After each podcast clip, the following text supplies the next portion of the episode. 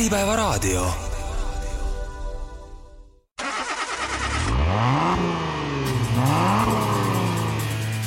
autojutud. autojuttude seekordne osa on pühendatud automargile ja selle loojale, kelle võiks mis tahes autoteemalises saates esimesena ette võtta või siis tegelikult ikkagi ei või, sest nii-öelda subjekt on sedavõrd pretensioonikas, et tasemel käsitlus nõuab mõningast vilumust. jutt käib maailma kõige ikoonilisemast sportautomargist ning ühest kuulsaimast kaubamärgist üldse, Ferrarist ja selle loojast Enzo Ferrarist. seda vastutusrikast teemat aitab mul lahata pikaaegne autoajakirjanik ja vormel üks kommentaator, praegusel ajal Õhtulehe toimetajana leiba teeniv Toomas Vabamäe, tere Toomas! tere! mina olen saatejuht Karl-Edvard Salumäe hea põhjuse just praegu Ferrari ja Enzo Ferrari ise ette võtta annavad kaks värsket teost. esiteks on ilmunud eesti keeles ähm, Enzo Ferrarist rääkiv raamat Enzo Ferrari, mees ja masin. selle autor on USA ajakirjanik, nüüdseks küll juba taevasse siis oma ridu kirjutav Brock Yates. Ähm, tõlkinud on selle Vallo Kask ja Toomas, sina oled olnud selle raamatu juures niisugune sisutoimetaja ja sellest samast raamatust vähemalt osaliselt ajendatuna on linastunud ka Michael Manni äh, film Ferrari peaosas Adam Driveriga ja see film räägib tuhande üheksasaja viiekümne seitsmenda aasta Mille Milia sõidu eel ja järel toimuvatest sündmustest. kahjuks ei saa ma erinevalt eelmisest saatest, mille ma tegin Martin Harakuga, kes on kirjutanud värskelt raamatu viiskümmend tähelepanuväärset F1 autot läbi ajaloo, öelda, et ma olen seda raamatut lugenud, kahjuks ma ei ole selleni lihtsalt veel jõudnud küll aga käisin ma siin eh, eelmise päeva õhtul, me salvestame hommikul kell kümme seda saadet, napp kaksteist tundi on filmi vaatamisest möödas. Eh, olen käinud eh, seda filmi vaatamas, nii et ma küsingi kõigepealt sinu käest, kuidas sulle see film meeldis? film meeldis kui meelelahutus mulle täitsa kenasti, ta ei ole aetud liiga kuidas ma ütlen, ta ei ole võidusõidufilm, seda peab kindlasti ütlema, ta on ikkagi selline suhtedraama, melodraama või, või, või võiks peaaegu et isegi öelda, et paratamatult, kuna ma selle raamatu tegemisega tihedalt kokku puutusin, siis mul kogu aeg omal, kui ma seda filmi vaatasin, kogu aeg käis ajus selline võrdlus, et ahah, see on niimoodi, too on naamoodi. samas raamat on ju, võtab kokku kogu Enzo Ferrari eluaja, üheksakümmend aastat ja natukene veel ette ja natukene ka veel taha tegelikult. film põhimõtteliselt piirdub kahe kuuga, nagu sa ütlesid, aastal tuhat üheksasada viiskümmend seitse. nii et eh, ega, ega väga ei saagi võrrelda neid eks seal oli tehtud ka seda niisugust tüüpilist filmi asja, et paljud sündmused, mis tegelikult toimusid eri aegadel, oli siis nagu ühte ajaraami kokku pandud ja nõnda edasi, eks ju.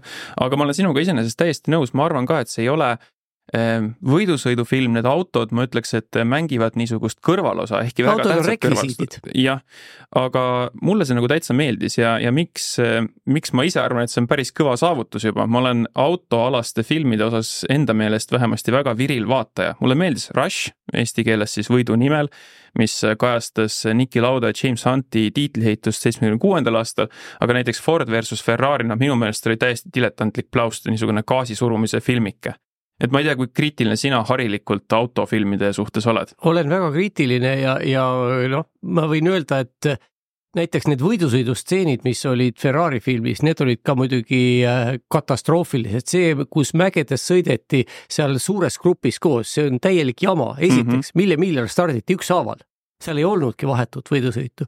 Ja kui sõitjad sattusidki rajal kokku, nad ju teadsid, kes on minust ees, kes on minust taga. kui tempo rahuldas, keegi ei hakanud teisest mööda sõitma, sest selleks ei olnud lihtsalt vajadust.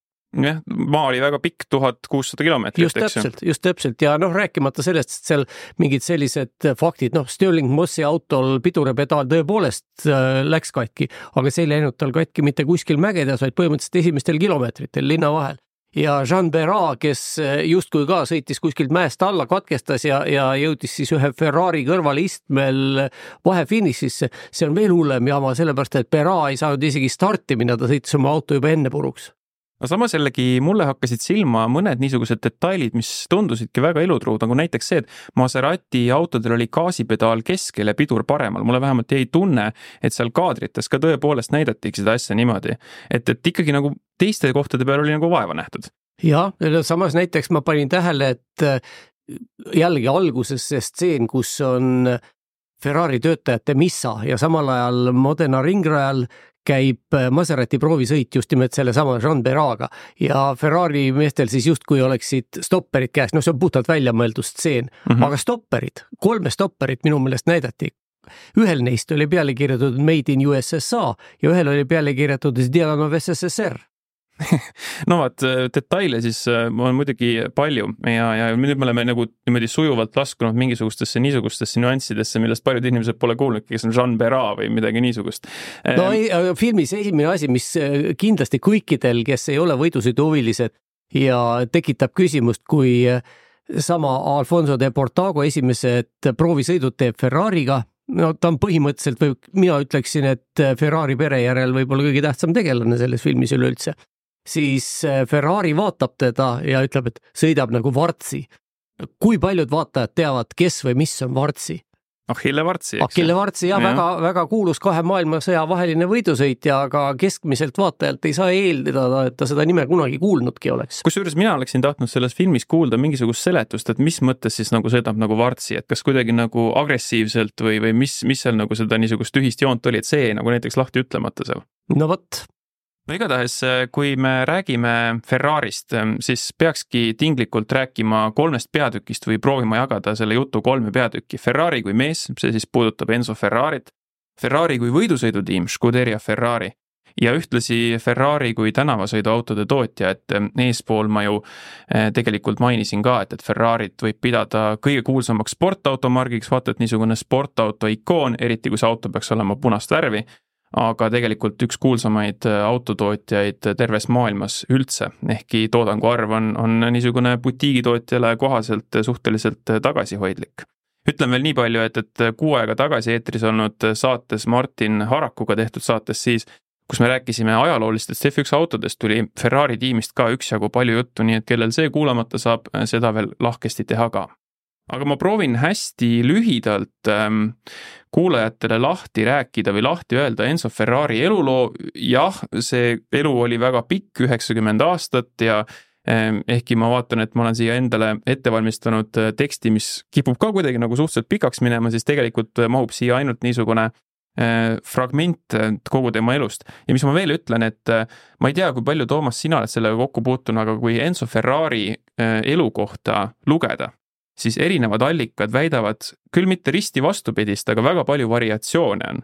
no näiteks, et kas Enzo Ferrari isa Alfredo Ferrari pidas metallitöökoda või puutöökoda, et noh, selliseid asju on, et, et hästi palju on need niisugusi noh, nagu ma ütlesin, erinevaid variatsioone mingisugustest faktidest.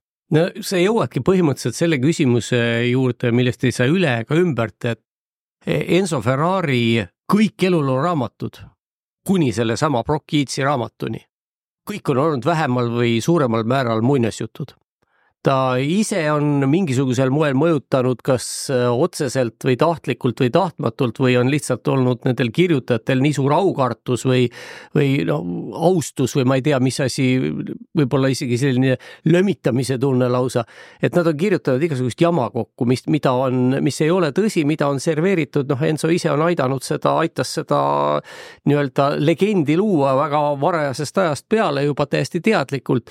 Ja see on siis nüüd elabki omasoodu edasi, noh, kasvõi seesama Ferrari vapi lugu, eks ole, kust see hobune sinna pärine tuli? no ma tean, et üks esimese maailmasõja aegne piloot. no vot, aga, aga kõige naljakam on see, et äh, täpselt sama hobune on ka Porsche vapil. Ja see ongi täpselt seesama hobune, mis algselt on pärit Stuttgardi linnavapilt Eh, nõnda, eh, no see kogu niisugune eh, müstifikatsioon Enzo Ferrari elu ümber algab tegelikult otseses mõttes tema sünniga, sellepärast et vaieldakse vist tänase päevani, et kas ta sündis siis kaheksateistkümnendal veebruaril tuhat kaheksasada üheksakümmend kaheksa või kahekümnendal veebruaril tuhat kaheksasada üheksakümmend kaheksa Modenas. taust olevat siis juures olnud see, et juhtumisi oli just sel ajal kõva lumetorm. see tähendas seda, et, et juba mainitud Enzo Ferrari isa Alfredo Ferrari ei saanud kohe minna siis linnavalitsusse sünnist teatama, see tehti mingisuguse viiteajaga ja sealt juba hakkab asi lappama. Äh, Alfredo Ferrari mm, siis pidas jah, äh, rohkemate allikate põhjal ikkagi metallitöökoda ja äh, Enzo Ferrari, täispika nimega siis Enzo Anselmo Giuseppe Maria Ferrari, juba poisipõlves hakkas tundma huvi autovõidusõidu vastu, kui ta tuhande üheksasaja kaheksandal aastal ühte võidusõitu koos isaga vaatamas käis Enzo Ferrari sai väga vähe formaalset haridust, küll aga väidetavasti oli tal suur lugemishuvi ja üks vahe isegi unistas ajakirjaniku ametist. esimese maailmasõja ajal tabas Enzo Ferrarit või tabasid teda esimesed niisugused suuremad isiklikud tragöödiad, neid tragöödiaid oli tema pika elu jooksul palju, aga igatahes esimese maailmasõja ajal siis nii tema isa kui ka vanem vend, kes samuti kandis nime Alfredo, surid grippi, kui Enzo oli kaheksateistaastane. aasta hiljem võeti ta ise juba Itaalia armeesse, aga haigestus Hispaania grippi väga tõsiselt ja raskelt, napilt pääses sealt eluga. pärast sõda üritas ta perekonnaäri jätkata, selles ta ebaõnnestus ja siis otsustaski ta proovida leida endale tööd autotööstuses kõigepealt läks ta Torinosse, et äh, minna Fiati juba tolleks ajaks väga niisuguse suure maineka autotootja jutule. esitas seal oma äh, paberi, see lükati järsult tagasi misjärel ta lõpuks leidis hoopiski Milanos tööd ühe ammu unustuse hõlma vajanud äh, autotootja juures, kes äh, minu teada töötles vanu veokiraame ümber äh, sõiduauto raamideks. Neid sõiduautosid oli tollal rohkem vaja. Enzo Ferrari töötas seal testisõitjana ja ühtlasi võidusõitjana, tema talenti märgati ja ta võeti tööle Alfa Romeo tehasesse, seal sai temast samuti võidusõitja ja testisõitja, ta ei olnud kunagi esimese ešeloni sõitja, küll aga platseerus ta tuhande üheksasaja kahekümnenda aasta Targa Florio sõidul teisele kohale ja tuhat üheksasada kakskümmend neli võitis mitu niisugust täitsa arvestatava kvaliteediga võidusõitu. aga ajapikku hakkas ta järjest rohkem tundma, et niisugune võidusõidu korralduslik pool sobib talle vähemasti sama hästi ja tuhande üheksasaja kahekümne üheksanda aasta lõpus asutas ta Scuderia Ferrari võidusõidumeeskonna ja oli vist nõnda, Toomas, et äh, kõigepealt tema esimesed kliendid olid niinimetatud härrasvõidusõitjad. niisugused jõukad mehed, kes äh, tahtsid äh, hobi korras võidu sõita ja, ja Enzo siis oli see, kes hoolitses selle eest, et õigel päeval, õiges kohas, õigel hommikul üks stardivalmis auto oleks seal olemas põhimõtteliselt jah, ega võidusõidu business käib tänapäevani ju samamoodi, aga jah, kahe maailmasõja vahel olidki aristokraadid olidki põhilised, kes autodega võidu sõitsid, et sellised lihtrahva hulgast võrsunud, noh, Ferrarit võib öelda, et tema ise oli ka lihtrahva hulgast ikkagi, need olid äh, pigem vähemuses, ikkagi selges vähemuses tuhande üheksasaja kolmekümne teisel aastal toimus kaks väga olulist sündmust Enzo Ferrari elus. esiteks jaanuaris ähm, sündis tal abielust Laura Ferrariga nende ainsaks jäänud laps poeg, kes sai, nii nagu oli siis Enzo Ferrari isa ja vanem vend, samuti nimeks Alfredo ja samuti nagu vennaga eh, sai selle poja hüüdnimeks Dino.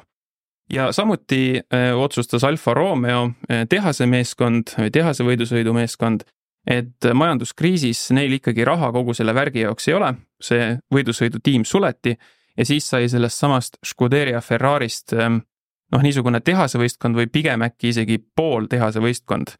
tuhande üheksasaja kolmekümne kaheksandaks aastaks otsustas Alfa Romeo oma võidusõidu tehasemeeskonna tagasi tuua. ühe aasta oli Enzo Ferrari seal tiimipealik, siis selgus väga kiiresti, et see, kui Enzol on endal ülemused väga hästi ei sobi, ta selle sama aasta lõpus sealt lahkus ja siis ta asutas niisuguse firma nagu Auto Avio Konstruktsiooni Eh, mis tootis siis, jällegi siin lähevad asjad lahku, aga tööriistu vist, jah? tööpinke oli põhiline asi, mida tootis ja sellest, kuna see oli riigi tellimus, tegelikult oli varasta-, no me ei saa öelda varastatud, aga osavalt ära kasutatud Saksa patendid, siis tootis tööpinke ja teenis kõvasti raha sellega tänu riigi tellimustele. Selle auto avio konstruktsiooni nime tingis ka see, miks Ferrari ei kasutanud enda nime, et see oli kokkuleppel Alfa Romeoga Äh, niisugune kokkulepe sõlmitud, et ta ei tohtinud ja jällegi mõni allikas, rohkemad allikad ütlevad neli aastat, teised allikad ütlevad viis aastat, aga vähemalt mõned aastad ta ei tohtinud siis omaenda nime kasutada, sest see oli juba üksjagu kuulus. ja tegelikult ta vist ei oleks tohtinud ka autosid toota ükskõik mis nime all, aga ometigi tuhande üheksasaja neljakümnendal aastal ehk siis juba järgmisel aastal seda tegi kui tema no ühe poole... auto tegi. kaks autot, eksemplari oli kaks. jah, seda küll, jah. et, et üks nendest autodest siis läks noorukesele Alberto Ascarile, kelle isa Antonio Ascariga Enzo Ferrari oli Alfa Romeo päevil siis äh, koos võidu sõitnud ja teine läks äh, kaas, taas ühele aristokraadile. no nendest autodest midagi ei saanud, siis tuli ka teine maailmasõda peale. teise maailmasõja ajal tootis siis Enzo Ferrari ettevõtte sõjatööstuse jaoks kõike vajalikku. Jällegi, mida täpselt, mina tean, et lennukimootoreid. tööpingid, lift, liftpingid, need olid põhiline asi, oli muid asju ka, et noh, jah, eriallikad lähevad väga eri teid suunas, aga, aga Brock Yatesi raamatut ma usun siiski, mitte sellepärast, et ma ise seal olen tegev olnud, aga, aga ma siiski kipun uskuma kõige tõepärasemaks seda. Ja see Ferrari kui autotootja alguses siis küll võidusõiduautode tootja lugu algab tuhande üheksasaja neljakümne seitsmendast aastast, sõda oli selleks hetkeks läbi. no muidugi, ega seda niisugust sõjajärgset kaost ja, ja vaesust ja õnnetust oli veel oi-oi kui palju. aga selleks ajaks oli ka siis kogu see ajaline piirang, mis puudutas Ferrari nime kasutamist ammu möödas Enzo Ferrari sai selle äh, liigutuse teha ja muide, siinkohal vist äh, on huvitav ära öelda, et, et mis see Ferrari nimena siis üldse tähendab, see tuleneb Itaalia sõnast Ferraro, mis tähendab seppa. nii et kui me prooviks Eesti oludesse ümber panna, siis Enzo Ferrari oli, ma ei tea, Edgar Sepp või midagi niisugust. jaa, Ferrari on suhteliselt tavapärane perekonnanimi. nii nagu Seppi, eks ju. just, just. ja juba tuhande üheksasaja neljakümne üheksandal aastal siis juba Ferrari tootjana äh, võitis Le Mansi kahekümne nelja tunni sõidu, see oli üldse esimene legendaarne kahekümne nelja tunni sõit Prantsusmaal pärast teist maailmasõda. seal äh, otseses mõttes niisuguseks kandvaks jõuks oli selline mm, Ameerikasse emigreerunud Itaalia võidusõitja ja ärimees nagu Luigi Cinetti, Enzo Ferrari üks lähemaid sõpru. tema oli siis sellel konkreetsel sõidul kahekümne neljast tunnist roolis kahekümne kahel ja poolel ja vähemasti minu teada, vot nüüd sina saad, Toomas, öelda, et kuidas Brock Yatesi raamatus selle kohta on kirjas, aga Cinetti oli vist ka see mees, kes julgustas Ferrarit või isegi veenis teda tänavasõiduautosid tootma jah, Kinetti oli Ameerikasse läinud ja ta haistis seal turgu ja, ja tegelikult niimoodi pikas perspektiivis võib öelda, et tema Ferrari tegigi. En, Enso tõenäoliselt ise ei oleks iialgi, noh, iialgi ei saa öelda, aga, aga aastal tuhat üheksasada nelikümmend üheksa ei oleks ta kindlasti selle peale tulnud, et hakata oma autosid Ameerikasse müüma sest samas noh, see võidusõiduradadel saavutatud kuulsus juba nagu lõi hea baasi, eks ju. sellest oli, ma saan aru, et ka Ameerika Ühendriikides ikkagi kuuldud ja, ja, ja noh, teine asi oli see, et, et, et nende tänavasõiduautode müümisega oli siis võimalik rahastada kogu seda võidusõidu poolt, eks ole. no ja me jõuamegi nüüd kogu selle Ferrari masinavärgi toimimiseni, et seesama Le Mani võit aastal tuhat üheksasada nelikümmend üheksa, see oli ikkagi selline minu arvates, mis, mis panigi Ferrari kuulsusele aluse. heakene küll, Itaalias nad võitsid muidugi ka seal, noh, kohalik, ikkagi põhimõtteliselt kohalik, kui, kui me räägime Targa Floriost ja, ja, ja Mille Miljast kõige kuulsamatest võidusõitudest, noh Mille Miljal Ferrari oli lõppkokkuvõttes väga edukas, aga need olid ikkagi rohkem sellised Itaalia asjad. aga teise maailmasõja järel ja kui me mõtleme ka viiekümnendatele aastatele, siis Ferrari kuulsus tuli ikkagi põhimõtteliselt sportautode pikamaasõitudest. vormel üks oli tollal selline noh, naljanumber, see oli, oligi selline rikaste amatööride lõbu, seal tehase tiime ju sisuliselt ei olnud, olid, olid sellised pisikesed töökojad või täiesti erameeskonnad, erasõitjad, rikkad amatöörid, aristokraadid, mis iganes. et seda ei pannud eriti keegi tähele, aga, aga kuulsusele pani aluse Ferrari just nimelt sportautode võidusõitudes ja sealt hakkas see siis tasapisi kerima. kui ma ütlen, et äh, vormel ühte viiekümnendatel aastatel tähele keegi ei pannud, noh, see, see no, nüüd natukene liialdus, aga Ferrari seejuures oli viiekümnendatel väga edukas viiskümmend kaks, viiskümmend kolm võitis Ascari, Fangio võitis hiljem. just, siis äh, edasi Phil Hill kuuskümmend üks. Mike Hawthorne enne ja, seda veel. Hawthorne ka veel viiskümmend kaheksa jah, siis nii et äh, ja, ja kuuskümmend üks Phil Hill, nii et tegelikult oli väga edukas, aga raamatus on seda ka nagu hästi kokku võetud, et tegelikult Ferrari ju kasutas põhimõtteliselt võib öelda kõikidel nendel kordadel ära konkurentide nõrkust lihtsalt ei olnud konkurente, aga noh, jällegi seda ei saa ette heita kui konkurendid, kui konkurendid on tugevad, siis sa pead neil kannal püsima, et juhuks, kui nad vääratavad, siis sa saad mööda minna ja ise esimene olla. Ja täpselt seda Ferrari tegigi. No vot, aga panemegi siinkohal Enzo Ferrari eluloo kirjeldamisele korraks punkti hakkame siit pihta, et see sai siis juba põhimõtteliselt lahti öeldud. Enzo Ferrarile läks korda võidusõit no tänavasõiduautod olid, ütleme nii, võidusõit oli tema jaoks eesmärk, tänavasõiduautod oli vahend mm, -hmm. et nende müügiga teenida raha võidu sõitmiseks, samas kui me vaatame neid äh, tootmisarve ja filmist jooksis ka see hetk läbi, see oli aastal tuhat üheksasada viiskümmend seitse, kui ta oma raamatupidajaga äh, vestles, raamatupidaja küsis, kas sa tead, kui palju me eelmine aasta autosid tootsime, Ferrari ütles, no ma ei tea, sada nelikümmend, sada viiskümmend. raamatupidaja ütles üheksakümmend kaheksa, kusjuures see üheksakümmend kaheksa tegelikult ei ole ka öö, täpne arv, mina loen siit ühest allikast, et kaheksakümmend üks, noh vahet ei ole, igal juhul alla saja.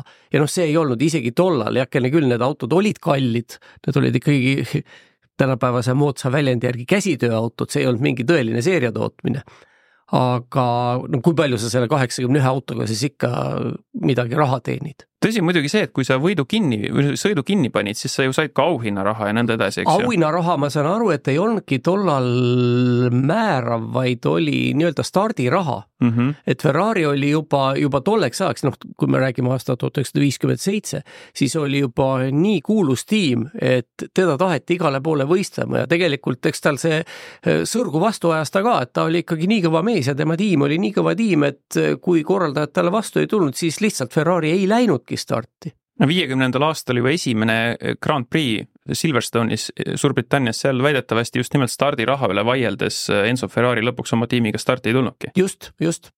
Nõnda, aga ma olen kuulnud ka palju seda juttu, et Enzo oli noh, pehmelt öeldes üleolev oma tänavasõiduautode e, ostjate suhtes, et eriti algusaegadel ta pidas neid noh, niisugused lollid ameeriklased ostavad neid autosid, miks sihukese raha eest ostavad, ei mina aru saa. kui palju selles jutus sinu teadmiste järgi tõtt on? No ilmselt on ka tõtt, aga kindlasti on tõsi see, et ega need autod nüüd mingid pärlid ei olnud. Nad olid ju väga lihtsa konstruktsiooniga. ega nad ei olnud ka mingisuguse teab mis kvaliteetse viimistlusega või, või koostöötööga.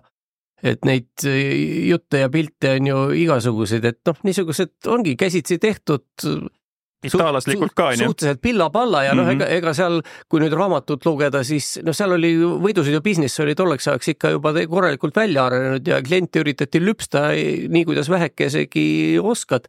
ja sama läks edasi ka tänavasõiduautodesse, et kui ikkagi klient ei kontrollinud täpselt järele, mida ta sai, noh siis ta saigi jama, et pandi küll mingisuguseid pruugitud detaile ja, ja igasuguseid trikke tehti mis puudutab Ferrari kui siis autotootja ja Enzo Ferrari niisugust kiiret äh, tõusu ja edu, siis äh, ühe põhjuse sa ütlesid ise lahti, et eks seda konkurentsi oligi pehmelt öeldes vähe, eriti niimoodi takkajärgi vaadates.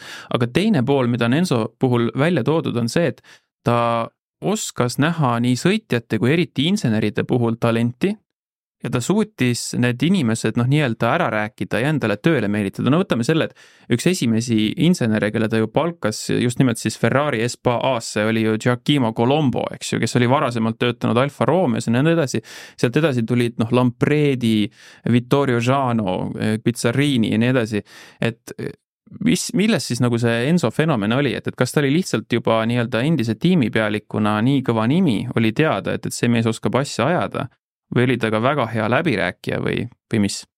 no kui ma teaksin, siis ma ütleksin, aga ma ei tea ka. jõudsid jälle niisuguse huvitava küsimuse, et kui nüüd püüda kokku võtta, kes ühe sõnaga, et kes see Enzo Ferrari siis kõige rohkem oli, siis äh, kuidas ma selle nüüd äh, sõnastaksin? minu meelest oli ta ikkagi eelkõige väga hea mänedžer et ta oskas, kuidas ta täpselt neid inimesi sinna enda juurde meelitas või, või, või kutsus, miks nad tahtsid seal töötada, vaatamata sellele, et ega ma saan aru, et ega seal nagu hea ei olnud töötada, sest kogu aeg mingisugune noh, niisugune tüüpiline itaallaslik Grande Casino käis seal nagu Ferrari vormel üks võistkonnas ikka aeg-ajalt toimub või, või pigem toimub. no sealt on ju pereheitmisi ja asju kui no, palju eks. kogu aeg käis ja, mingisugune tants ja trall aga, aga fakt on see, et kuidagi ta seda masinavärki töös hoidis ja, ja muidugi, mida rohkem see nimi, Ferrari nimi kuulsust kogus, seda rohkem inimesed sinna tahtsid tulla. noh, ja seda on ju ka jälle raamatus on väga selgelt, et sõitjad ja, ja filmis ka tegelikult. et äh, seal see filmis näiteks see stseen, kus ollakse restorani laua taga ja, ja Enso peab seal siis nii-öelda kõnet natukene ja ütleb, et et keegi ei sunni teid tulema Ferrari võistkonda, aga kõik te tahate siia tulla ja kui te siin olete, vot siis te peate tegema seda, seda, seda. põhimõtteliselt võtabki kokku selle ja keegi ei sunni, aga kõik tahavad.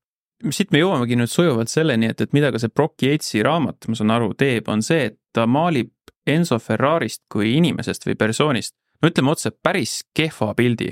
päris ikka tõbras no ikka tõbras, niisugune despoot, türann äh,, mida muide mitte ainult see raamat või selle raamatu kohta ei ole kirjutatud, aga selleks saateks valmistudes ma ikka tegin nagu omajagu eeltööd äh,. ma isegi üllatavalt palju kohtasin, oli see niisugune resümee, et Enzo Ferrari oli suurepärane manipulaator et ta suutis ja. inimestega manipuleerida. absoluutselt, no see on ka see mänedžeri oskus, noh, kas sa seda kasutad, no seda saab ka mitut moodi kasutada, et seda ei pea nii jõhkral moel, noh, Machiavelli, eks ole, Itaalia ajaloost jälle üks teine nimi, nii et natukene teiselt alalt, aga põhimõtteliselt midagi sellist no samas jällegi mulle tundub, et nüüd on nagu laiem avalikkus tänu sellele Brock Yatesi raamatule ka nagu siis teadvustanud, et, et Ferrari inimesena oli küllaltki ebameeldiv. Eh, aga kas, kas see pendel ei ole nagu mõnes mõttes kuidagi võib-olla teise äärmusesse läinud, et nüüd nagu siis maalitaksegi temast kui noh, täiesti südametust äh, tõprast pilti, samas võime siinkohal ju küsida, et kui paljud elus tõeliselt palju saavutanud inimesed tegelikult inimesena väga meeldivad on, et, et see mingisugune jõud, mingisugune ambitsioon, mingisugune visioon, mis neid edasi surub, et see muudabki nad teinekord nagu üpris jõhkraks, et kas, kas sellest Brock Yatesi raamatust näiteks tuleb ikkagi ka Enso mingisugune inimlikum, mingisugune empaatilisem pool esile? Mingisugused tulevad küll, aga kui sa juba hakkasid niimoodi rääkima, siis mina ütleks, et äh, film läheb jälle täiesti teise äärmusse mm. film maalib tast ikka väga positiivse pildi et kui sul ei ole seda raamatu ja, ja noh, igasugust muud äh, taustateadmist, siis noh, muhe mees ju mm. -hmm et ikkagi armastas oma peret, ehkki no, oli mitu tal enne. lõi üle aisa, eks ole, aga noh, hea küll, noh seal ju seda sellist äh, just seda manipuleerimise poolt, seda minimaalselt, see on välja mängitud väga tagasihoidlikult, et kui sa oskad seda vaadata, jah, kuidas ta seal sõitjaid vahetas autodes ja, ja kuidas ta seal võistluse ajal rääkis sõitjatele, et mis olukord on, kõik see, noh, seal on, on ka, kui sa, kui sa nagu väga täpselt mõtled, mida ta rääkis, siis seda võib ka manipuleerimiseks lugeda mm. -hmm. aga see muidugi oli suhteliselt, jah, suhteliselt leebe et, et film pigem ma ütlen, et äh, jätab hoopis teistsuguse pildi. vaata seda niisugust roosat ila otse öeldes ongi Enzo Ferrari kohta nagu palju aetud, et, et. no eks ta ise äh, genereeris seda ja kõik olid nõus seda tiražeerima. E, aga kas see Brock Yatesi raamat nagu mõnes mõttes ka niimoodi sihilikult vastandub sellele sinu hinnangul? no eeldades, et ta on ikkagi faktide põhjal ja, ja kirjutanud selle raamatu ja tõsiseltvõetavana, noh, ta ei ole muidugi teadustöö et seal ei saa ka kõike sajaprotsendiliselt kullane võtta, aga, aga ma kipun siiski arvama, et ta on suhteliselt tõsi. Tony Brooks, kes oli siis samuti viiekümnendatel aastatel Ferrari sõitja ja üleüldse teda on nimetatud ka üheks alahinnatumaks sõitjaks, et, et mees, kel talent oli niisugune, et ta oleks võinud ka maailmameistriks tulla, aga ta ei olnud valmis äh, nii palju riskima oma eluga, nagu see viiekümnendatel kõige kõrgemate tulemuste saavutamiseks vajalik oli, on öelnud seda, et et Enzo Ferrari nagu et talle meeldis omaenda sõitjaid kuidagi üksteise vastu üles ässitada või nagu üksteise vastu äh, sõitma panna. sest ta uskus, et niimoodi on võimalik inimestest kõige paremad tulemused välja meelitada, kui sa noh, lihtsalt surud ta nurka kellegiga vastamisi, et kas sina või tema kui palju raamatus seda käsitletakse? oi, väga palju ja mitte ainult sõitjate, vaid ka konstruktorite ja inseneride osas. et kogu aeg see, see oligi see liikuma panev või, või edasiviiv jõud tema meelest kas see nüüd lõppkokkuvõttes aitas või takistas, noh, võta sa kinni, aga, aga jah, see on täiesti õige, et, et see oligi tema töömeetod ja sealt ka siis tegelikult need pereheitmised, et tema juurest ju mindi teinekord kambakesiga minema ja nõnda edasi. just. kas võib öelda, et Enzo Ferrari tegelikult isiklikus elus paistis olevat küllaltki õnnetu inimene, et, et siinkohal eh, ma mainisin seda, et Laura Ferrariga väga niisugune ägeda iseloomuga naine, no niisugune äkiline, et nende, ta oli küll elu lõpuni, Laura elu lõpuni, seitsmekümne kaheksanda aastani nad olid abielus, ehkki tegelikult noh, ammu see oli avalik saladus, et ega neil nagu ühisest pereelust nagu aastakümneid midagi enam välja ei tulnud see ainus poeg Alfredo, keda Enzo Ferrari kohutavalt armastas, Enzo Ferrari on öelnud, et ainus tõeline armastus ongi tegelikult elus see, mida isa tunneb oma poja vastu, aga paraku Dino Ferrari juba sündides oli põdura tervisega, tal oli lihasdüstroofia, mistõttu ta ka kõigile pingutustele vaatamata kahekümne nelja aastaselt suri, viiekümne kuuendal aastal siis, ja see mõjutas Enzo Ferrarit väga palju, et, et kas kas isiklikus plaanis tegu oli sellise õnnetu inimesega? Ma pigem arvan jah, kui sa veel mainisid, et eh, Enso ja Laura olid Laura elu lõpuni abielus, siis Itaalias ju oli abielulahutus üldse kuni aastani tuhat üheksasada seitsekümmend viis keelatud mm. -hmm. nii et ega, ega neil midagi teha ei olnudki ja noh, kuigi Enso ei olnud nüüd sügavalt katoliiklane südames, noh, Itaalias ei saa muidugi üle ümbert, eks ole, igasugustest rituaalidest, aga, aga ta südames kindlasti mingisugune tõsiusklik ei olnud, siis lahutada ei olnudki võimalik, aga noh, ega seal raamatus ei jäeta ka mainimata igal võimalikul juhul, et, et kus ta kõik üle aisa lõi ja noh, lõpp lõpuks ju ütleme ausalt eesti keeles, eh, sohipoeg Piero Ferrari sündis ju ka abieluvälisest suhtest. neljakümne viiendal aastal, jah. jah, tuleval aastal siis peaks kaheksakümmend saama Pier... ja Piero Ferrari praeguse nimega Piero Ferrari, sünnipärase nimega Piero Lardi, kuna tema ema oli Liina Lardi, siis aga jällegi Ferrari leppis oma naisega kokku, et Piero enne Laura surma ei tohi kanda Ferrari nime ja praegu siis Piero Ferrarile kuulub kümnendik Ferrari ettevõttest, ta on seetõttu päratu rikas mees ja ühtlasi Ferrari asepresident, eks ole. jah, just, nii et hinnatakse jah tema varandust viiele miljardile dollarile umbes. Pole paha ehm, me oleme rääkinud sellest, et, et Enzo Ferrari oli päris niisugune müstiline tegelane juba eluajal ja ka pärast surma, ega asi ei ole kuidagi vähem müstiliseks läinud, pigem seda müstifikatsiooni on isegi juurde loodud. aga samas see kõlab küll hästi nagu igavalt ja kulunult ja viledalt, aga tegu oligi ju väga noh, vastuolulise mehega, et ühtpidi ta paistis mingil hetkel halastamatu ja teisalt äh, need, kes temaga kokku puutusid, teadsid, et ta nuttis pidevalt. alatihti läks tal silm märjaks. Äh, tema jaoks siis äh, võidusõit oli ainus, mida ta tegelikult nagu päriselt teha tahtis, nagu me rääkisime, tänavasõiduautode müük siis toetas seda, aga samas ta oli teinekord nii jäärapäine, et see seadis sellesama Scuderia Ferrari nagu väga otsesesse ohtu, jällegi vastuolu missugune. Eh, tema juhtimisstiil oli eemale peletavalt despootlik ja siis samas, nagu me eespool rääkisime, ta suutis enda juurde järjest ja järjest inimesi meelitada. tema autod vallutasid maailma, aga mida elu lõpupoole, seda vähem ta ise nagu oma kodukohast üleüldse sealt Modena Maranello piirkonnast Emilia-Romagna maakonnas väljas käis ja nõnda edasi, nõnda edasi, et ta eh, eriti elu lõpupoole andis haruharva pikemaid intervjuusid, samas ta on läinud ajalukku mitme kuulsa tsitaadiga ja nii edasi. et kokkuvõtvalt vist võib ikkagi öelda, et tegu oligi sellise inimesega, kellest kohati nagu sotti saada oli pehmelt öeldes keeruline jah, kindlasti ja pluss veel see, mida ei saa alahinnata, et ta ise väga varajasest ajast peale teadlikult kujundas oma mainet mm. -hmm. et milliseid, milliseid fakte ajakirjanikele üldse öeldi, milliseid äh, ihubiograafid esile tõstsid, et ega need äh, artikleid, mida kõike temast on kirjutatud ja intervjuud, mida on temaga tehtud, ega neid ei saa kõike puhta kullana võtta. kas sa ise usud, et tegelikkus oli palju prostam ja, ja, ja lihtsam, kui sellel välja lasti paista? üldiselt kipub alati niimoodi olema, jah.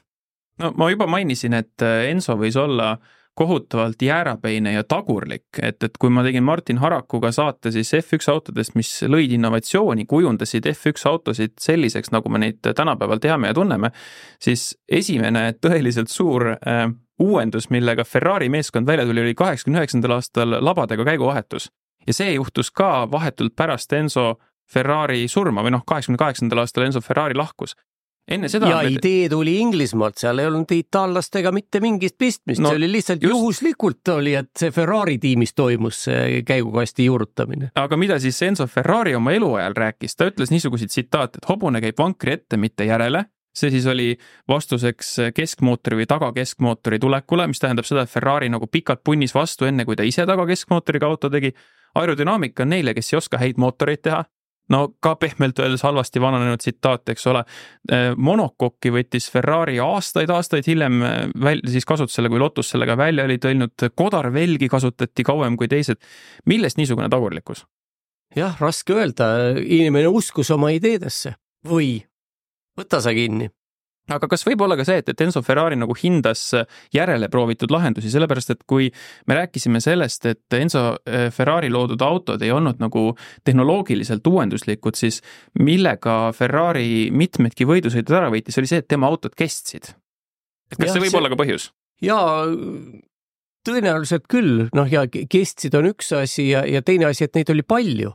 noh, kasvõi seesama viiekümne seitsmenda aasta Mille Milia esikümnes oli ju seitse Ferrarit, sealjuures mm -hmm. kolm esimest. Enzo Ferrari oligi vist oma mootoritega nii-öelda laulatatud, eks ju, et ta oli nagu puhtalt mootorimees, et kõik, mis puudutas juhitavust, vedrustust, see oli juba teisejärguline. jah, põhimõtteliselt võib öelda, noh, need tsitaadid ka, eks ole, et, et härk käib vankri ette ja, ja, ja aerodünaamika ja kõik sellised asjad, aga noh, samas võib öelda, et näiteks kui seitsmekümnendate aastate lõpus Renault tuli esimesena turbomootoriga vormel ühte, siis Ferrari oli üks esimesi, kes hakkas ka katsetama seda ja, ja nad suhteliselt kiiresti said selle mootori ikkagi käima ja auto peale ja, ja ka korralikult käima, nii et hakkasid võidud tulema. nii et noh, siis oli muidugi, see oli juba aasta tuhat üheksasada kaheksakümmend, kaheksakümmend üks, et siis olid natukese teised ajad aga samas jällegi Ferrari jäi jäärapäiselt oma selle lamamootori kaheteistsilindrise juurde, mis ei võimaldanud tal maa-efekti kasutada, nii nagu no peaks, eks ju. see oli jah enne, turbo V6-d ju vahetasidki selle välja aga noh, see oli jah paratamatu, et ega, ega kuigi muidugi tollal vormel üks oli praegusega võrreldes ikka niisugune primitiivne, imelihtne, seal ei olnudki midagi. et oli lihtne, kui isegi, isegi sedasama kaheteistsilindrilist mootorit oli toona ikkagi suhteliselt lihtne konstrueerida. Ferrarit äh, süüdistati eluajal äh, vist isegi mitu korda ka noh, nii-öelda timukaks olemises, et, et tema võistkonna sõitjad hukkusid mitmelgi korral, ka viiekümne seitsmenda aasta Mille Milia ränkraske avarii, kus hukkus üheksa pealtvaatajat, sealhulgas viis last, ehm, tõi talle pika ja väsitava kohtuvaidluse, milles temal süüd küll ei nähtud. samas, mida on samuti välja toodud, on see, et eh, ega ei ole teada mitte ühtegi juhtumit, kus Ferrari'ga sõitnud piloot oleks hukkunud Ferrari tehnilise praagi tõttu, et ka see viiekümne seitsmenda aasta Mille Milia avariini viis ju rehvi lõhkemine, eks ju et, et äh, see nagu kõneleb ka samas midagi, et noh, et, et Colin Chapman ei saanud elu sees öelda midagi niisugust, et, et äh, vaat minu konstruktsiooni pärast pole keegi surma saanud. jah, see on tähelepanuväärne, sest äh, Chapmani autod olid need, mis lagunesid ja mis, mis tapsid oma sõitjaid, Ferrari'l ikkagi, kuigi jah, kui me vaatame seda musta nimekirja, siis see on, on päris pikk ja noh, Mille Miili avarii tegelikult noh, rehv purunes, aga rehv tõenäoliselt purunes mitte lihtsalt niisama, vaid nagu ka filmis näidati, noh, kes seal sellest aru sai täpselt. aga see niinimetatud kassisilm, mis tee peal on, selle terav serv oli siis ilmselt rehvi katkelõigul, aga põhimõtteliselt Ferrari ehitas ikkagi autosid korralikult. ei olnud niisugused äh, Colin Chapmani lootused, see oli vist Mario Andretti, kes ütles, et kui ma sõidan autoga ja näen, et ratas minust möödub, siis ma saan aru, et ma istun lootuses või oli see Jim Clark, aga vahet ei ole, noh mm -hmm. mõte on sama. Ferrari'ga niisuguseid asju üldiselt ei juhtunud, kuigi jah, ega see Itaalia töökultuur nüüd teab, kui kõrge seal ei olnud. ja draamat, nagu me rääkisime, oli rohkem kui kopka eest, on ju. just.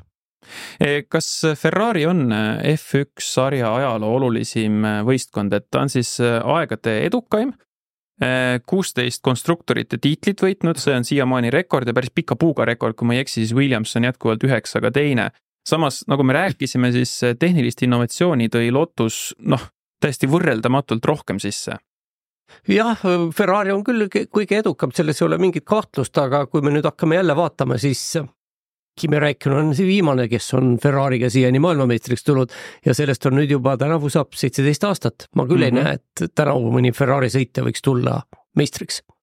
E, samas me teame seda, et Ferrari on äh, just nimelt selle tõttu, et see on ainus võistkond, kes on algusest saati võistelnud aastast viiskümmend siis tänase päevani ilma mingisuguste katkestustega, mõni üksik sõit välja arvata.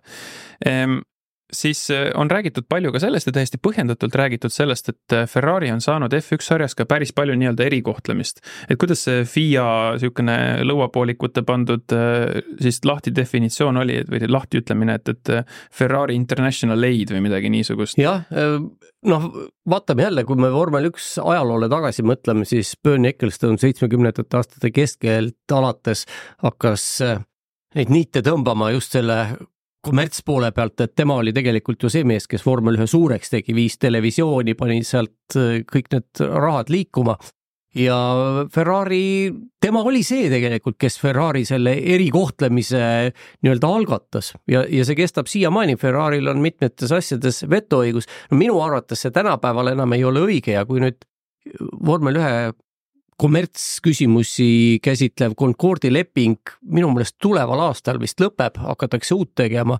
siis oleks minu arvates normaalne tänapäeval arvestades seda, millise, vormel üks hakkab nüüd nii-öelda Põhja-Ameerika pallimänguliigade sarnaselt frantsiisi süsteemile üle minema, et Ferrari need eriõigused kaoksid.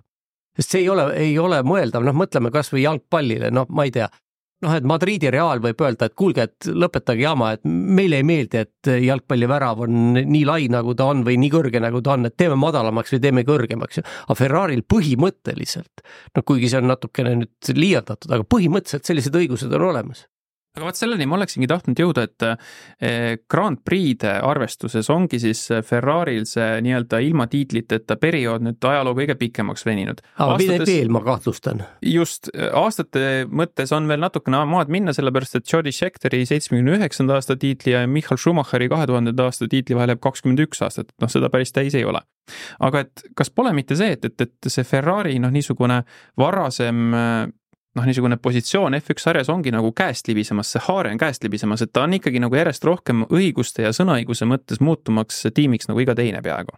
no ei saa öelda, et ta päris tahaplaanile oleks, oleks langenud, ta on ikkagi tipptiim olnud noh, esimese kolme või nelja hulgas praktiliselt pidevalt ja kui see, kui me vaatame nüüd siis noh, kes veel on, on nii pidevalt olnud, ega käivad ju üles-alla kõik siin, noh, võtame need Williams, eks ole, kes on täiesti mudas oma McLaren, McLaren, noh, Red Bull on, eks ole, üldse uustulnuk. et seal käivadki, edu, edu ei ole selline püsiv suurus, seal käibki üle, üles-alla. Ja selles mõttes ei ole midagi imelikku, aga noh, Ferraris, kui me vaatame nüüd me jõuame kindlasti ka selle Lewis Hamiltoni Ferrarisse minekuni, siis noh, minule meenutab tema sinna minek Michael Schumacherit, aga mitte Michael Schumacheri Ferrarisse minekut, vaid Michael Schumacheri Mercedesesse minekut selle jutuga ma jah natukene pean veel hoogu, sellepärast et räägime kõigepealt siis nüüd äh, tänavusõiduautode poolest korralikumalt ka ja pikemalt siis. kõigepealt meie hea ühine tuttav sõber Tõnu Korral on minu meelest väga tabavalt kunagi kokku võtnud, et kui me rääkisime per-, Ferrari pereheitmistest, et pidevalt mindi sealt uksi paugutades minema, et kui palju häid maa-, autosid on maailmasse juurde tekkinud tänu sellele, et Enzo Ferrari on kellelgi nagu pessu täiesti keema ajanud või kopsu üle maksa ajanud, et noh, alustame kas või Lamborghini. Lamborghini mark sündis ju sellest, et Ferruccio Lamborghini traktoriehitajana rikkaks saanud mees ei olnud rahul Mm, Ferraride auto kvaliteediga ja siis, kui ta kurtis Enzo Ferrarile, et kuule, et need sinu auto sidurid ei kesta ju, et, et noh, et mis jama on, siis äh, väidetavasti Enzo Ferrari oli talle kuidagi ninakalt ja ülbelt öelnud, et mina sina, mida sina traktorist umbes nagu tead asjadest. Ja sealt siis tekkis see noh, niisugune kihk eh, teha paremini ja ega tegelikult see esimene Lamborghini, mis ta mudeli nimi oligi, kolmsada viiskümmend GT ja hiljem nelisada GT, see oligi eh, vähemasti sama hea auto kui Ferrari mitmeski mõttes. aga noh, tegelikult neid näiteid on ju veel, et noh, et, et Giotto Pizzarini näiteks ju jalutas ka minema ja tegi hiljem auto siis Pizzarini viis tuhat kolmsada GT, mis küll jäi paraku üheks väga paljudeks lugudeks, et mis oleks võinud olla, kui õnne oleks rohkem olnud ja nii edasi. aga et, et Enzo Ferrari noh, nii-öelda mõju automaailmale selle ajaloo kulule on märksa laiem kui tema enda isik ja siis nagu see Ferrari SPA noh ise, et, et see, see mõju on tegelikult palju suuremate ja pikemate siiretega, kas pole? Jah, kui sa nendest pereheitmistest rääkisid, siis äh, tuleb vaadata ka asja teist poolt, et Ferrari ju kunagi ei kartnud edutada noori ja pealtnäha kogenematuid äh, insenere, mitte ainult insenere, tegelikult ka juhte. noh, insenere võtame seal varasemast ajast, eks ole, aga kui me vaatame Mauro Forghieri, kes oli siis kuuekümnendatest aastatest alates Ferrari peakonstruktor kuni kaheksakümnendate keskpaigani, noh vahelduvalt küll, tema tegelikult oli see mees ju, kes koos Niki Lauda ja, ja tiimipealiku Luca di Montezemologa Ferrari seitsmekümnendate aastate keskel ka soost jälle välja tõstis. ja tema ju sai peakonstruktoriks, kas ta oli kakskümmend viis isegi vist. umbes nii vist jah. umbes niimoodi või, või noh, Luca di Montezemolo, kes sai ju tiimipealikuks ka, oli ka umbes sama vana. noh, Lauda, eks ole, läks Ferrarisse kakskümmend kolm või kakskümmend neli, mis ta oli. neli vist oli jah. jah, esisõitja, nii et Enzo Ferrari ei kartnud noori kunagi edutada ja, ja tänu sellele tegelikult need pereheitmised võimalikuks saigi, sest kui seal oleks mingisugused kuuekümneaastased onklid olnud, no kuhu neil ikka minna on, eks ole, teevad seal midagi natukene susserdavad ja, ja lähevad ära pensionile, et selles mõttes noh, võib öelda aitäh talle ka, et aitas ikkagi automaailma rikastada. no aga samas jällegi ise ta ju püsis seal eriti võidusõidumeeskonna või võidusõidu poole eesotsas kuni oma surmani, eks ju, sihuke üheksakümne aastane taat. no aga teda, teda, kui me tänavasõiduautodest räägime, siis see teda ju ei huvitanud. see teda ei huvitanud jah, just. no vot, aga miks on nõnda, et, et äh, Ferrari't tõesti võibki pidada äh, sportauto niisuguseks sünonüümiks, eriti kui see on punast värvi, nagu ma eespool ütlesin ja, ja üleüldse, et, et miks, miks seda, noh, ma arvan, et me oleme ühel meelel, kui ma ütlen, et Ferrari nime ja autosid saadab mingisugune eriline oreool, aga miks see nõnda on? No vot, ilmselt kõik see, millest me siin enne rääkisime, kõik see ongi põhjustatud, sest ega kui me nüüd võta, võtame puhtmateriaalselt, eks ole, et kõik need metallid ja, ja plastid ja, ja klaaskiud ja, ja süsinik, noh, need on ju kõik samad asjad, millest ülejäänudki autod tehakse. Ei ole ju mingisugust vahet, põhimõtteliselt sealsamas naaberlinnas tehakse Lamborghinisid, Need tehakse samamoodi, jah, küll, Lamborghini on ka tänapäeval juba ikkagi, ikkagi väga kuulus firma, aga kaugeltki mitte nii kuulus. Maserati on ju veel no Maserati on veel pikemate, pikemate traditsioonidega, Modenast pärit, eks ole, veel lähemal Maranellole tõesti.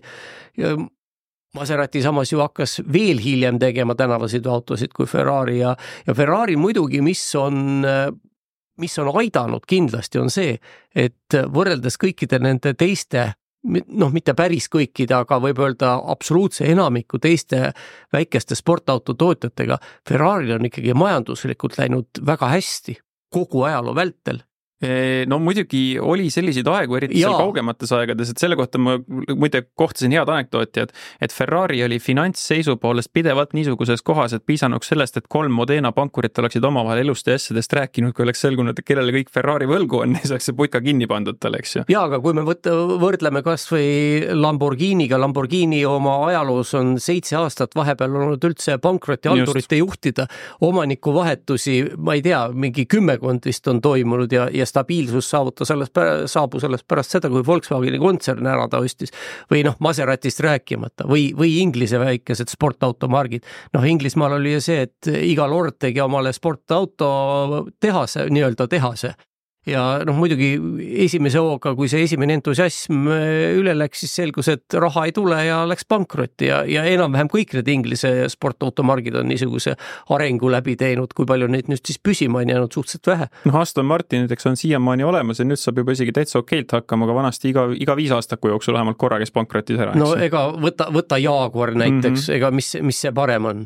Kas see niisugune Enzo Ferrari enda ümber loodud müstika on sinu meelest seda Ferrari brändi nagu ka aidanud, et kui sa rääkisid sellest, et ta juba nagu varakult, täiesti teadlikult äh, nägi sellega vaeva, siis no lisaks paneme siia, et, et F1-s, eks ju, katkematult osalen ja nii edasi, kas see pool nagu on ka aidanud seda? Kindlasti on, ma muidugi ei oska nüüd öelda, kui me mõtleme jälle siin ajaloole tagasi, siis noh, praegu Ferrari aastatoodang kahe tuhande kahekümne kolmanda aasta andmeid ma ei tea, aga kaks tuhat kakskümmend kaks oli aastatoodang oli mingi kolmteist tuhat autot. ja Lamborghini võrdluseks umbes üheksa tuhat, nii et Lamborghini ei ole tegelikult sugugi väga kaugel. aga kui me nüüd mõtleme tagasi, siis äh, Ferrari seda kaubamärki on aidanud arendada IT-buum pluss Hiina. nii, seletavasti Tegel,. tegelikult äh, täpselt samuti nagu kõiki muid, aga, aga seda on osatud arendada väga hästi, sest see on toonud, äh, IT-buum on toonud väga palju sellist äkkrikkust, noori mehi, kes järsku said rikkaks. noh, tõenäoliselt nad kõik olid Ferrarist kuulnud mm. -hmm ja, ja, ja nii kui need miljonid kohale jõudsid, nii nad olid kõpsti, noh piltlikult öeldes seal Maranellos ukse taga, et ma tahaks nüüd omale Ferrarit, noh Hiinast rääkimata. Ferrarit muuseas ei ole väidetavalt, mina ei tea, mina ei ole püüdnud osta, aga ei ole niisama lihtne osta, et lähed poodi ja ütled, et andke mulle nüüd see Ferrari, noh, ma ei räägi ooteajast aga, aga et ikkagi kliente valitakse ka. Hiinas kindlasti neid valitud ei ole, kui Hiina ikkagi muutus kapitalistlikuks maaks ja hakati seal autosid ostma, siis seal ei küsinud, kui ei küsitud kelleltki. Raha, raha sulle, Ferrari mulle, nii see käis. no vot, peatamegi korraks sellel ka, Jay, Jay Leno, eks ju, maailma üks kuulsamaid autokollektsionääre ilmselt. temal ei ole Ferrarisid ja ta on nagu võrrelnud seda, tema käest kunagi küsiti, et miks see nõnda on ja siis ta ütles, et tead, et on, ma tunnen ka rikkaid ärimehi, kellele sihuke sadomasu värk meeldib, et maksad kõva raha ja siis teda piitsutatakse ja ütleb, et jõle hea on. aga vaata, mul ei lähe nagu peale et noh, et, et äh, sa ütlesid ka, et, et neid äh, kliente väga niimoodi valitakse kohati ja siis on see, et kui sa tahad mingisugust erimudelit saada, siis sa pead kolm mingisugust, ma ei tea, Ferrari Portofinot või Ferrari Romat või midagi niisugust ostma.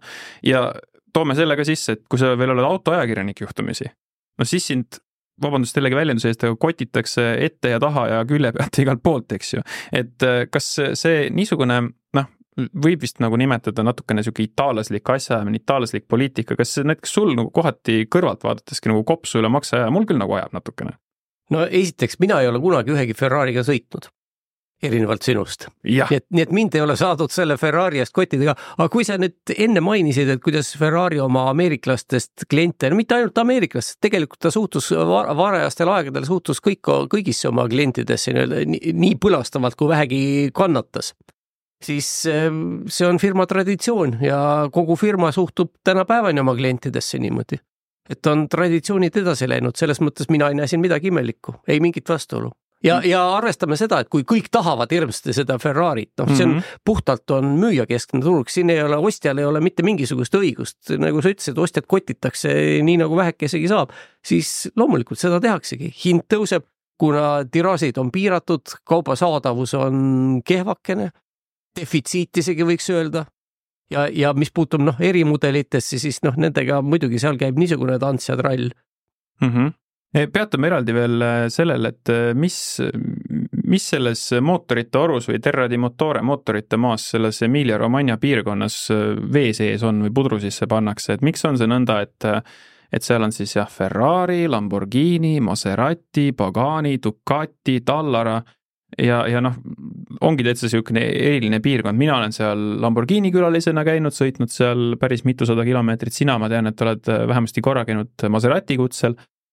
Mis värk sellega on, et kas seal oligi see, et, et noh, me teame seda, et Maserati ajaarvamine hakkab aastast kakskümmend kuus, kindlasti oli seal varem ka veel midagi, et, et lihtsalt, et seal, kus tekkis, seal, kus oli, sinna tuli juurde või, või miks see, miks see piirkond nii teistmoodi on? No seesama Maserati sõit, kus ma kunagi käisin, siis ma kirjutasin ühe artikli ka ja, ja noh, eks seal on niisugune ajalooliselt on see välja kujunenud väga viljaka maaga piirkond, mis tähendas, et juba keskajal seal ikkagi hakkas rikkust tasapisi korjuma. ja korjus, korjus, korjus, käsitöölised hakkasid, seal käsitöö hakkas tõsiselt arenema ja siis, kui juba kahekümnendal sajandil hakati masinaid ehitama, siis seal oli, piisavalt oskusi, teadmisi, kõik see niimoodi vaikselt kogunes räägime siis ka sellest, mida sa tegelikult juba ära ütlesid, ma kavatsesin selle kohta küsida, et, et sinul siis pika autoajakirjaniku karjääri jooksul, eks aeg ei soosinud, eks ju, et natukene liiga vara lõpetasid ära põhimõtteliselt. no oleks väga tahtnud, oleks ju saanud enne ka aga ühesõnaga, sul Ferrari jäi sõitmata, ma tean, et sa oled Renault vormel üks autot proovinud ja väga palju asju. jaa, ma ei, ma ei tunne kuidagi mingisugust, et, et see nagu mingisugune puudujääk oleks mm, -hmm. et ma ei sõitnud Ferrari'ga, noh, nagu ma ütlesin, samad materjalid lihtsalt meie, meie enda peas on see ju, et, et see on midagi erilist ma tahtsin tegelikult küsida hoopiski seda, et kui sul oleks nüüd võimalus haarata ükskõik millise tänavasõidu Ferrari, tänavasõidu Ferrari võtmed ja ükskõik millise, siis kuhu poole su mõte tüürima hakkab esimese hooga? Ja mõne vanema auto poole. F nelikümmend või veel vanem? Ah, noh, F nelikümmend, nii palju tänavasõiduauto, tegelikult ma tahaks, huvi pärast tahaks, ma arvan, et esimene Ferrari, mille kohta ma lugesin ajakirjas Tehnika ja tootmine, oli Ferrari Dino kolmsada kaheksa. Mhm. vot seda autot tahaks proovida huvi pärast, see on aastast tuhat üheksasada seitsekümmend kolm või neli noh, tõenäoliselt ta on niisugune veel selline nii-öelda vanakooli Ferrari, et äh, viimistluse ja montaaži poolest ilge käkk, sest noh, millal hakkasid, millal läksid Ferrarid heaks üldse? siis ürit... kui Lokko de Montezemolo võttis üheksakümnendate alguses üle. just, ma, ma ise mõtlesin ka, et see võiks olla mingi kaheksakümnendate lõpus, üheksakümnendate alguses, kui nii-öelda korralikke autosid hakati mm -hmm. tegema aga, aga jah, mul ei ole sellist, sellist lemmikut, jah, muidugi F neljakümnega oleks huvitav sõita, aga no mis ma temaga tänaval teeksin mm? -hmm no kaks üheksa kuus GTB, millega mul õnnestus Eestis täitsa niimoodi korralikult sõita, et eh, see jättis küll väga niisuguse sügava mulje ja, ja ma olen sõitnud siis ka näiteks Lamborghini Huracaniga, et ma ütleks, et puht nagu tehnoloogilises mõttes Ferrari on ikkagi pea ja õlad üle. no aga Ferrari on ka palju uue praegu. Eh, seda küll jaa, et, et Huracanist ongi nüüd siis sel aastal tulemas järglane, mis iganes selle nimeks nüüd täpselt saab, aga jah, et, et ähm, mul on isegi nagu raske niimoodi lühidalt kokku võtta, miks aga, aga kõik see niisugune itaallaslikkus äh, siis kombineerituna väga suure kiirusega oli nagu seal olemas, et, et äh, see ilmselt siis oligi, aga samas jällegi see ei ole kindlasti Ferraride kohta minevikus käinud ühtemoodi, vanasti sport või superautodega sõitmine nõudis väga palju ohverdusi ja musklit ja pingutust.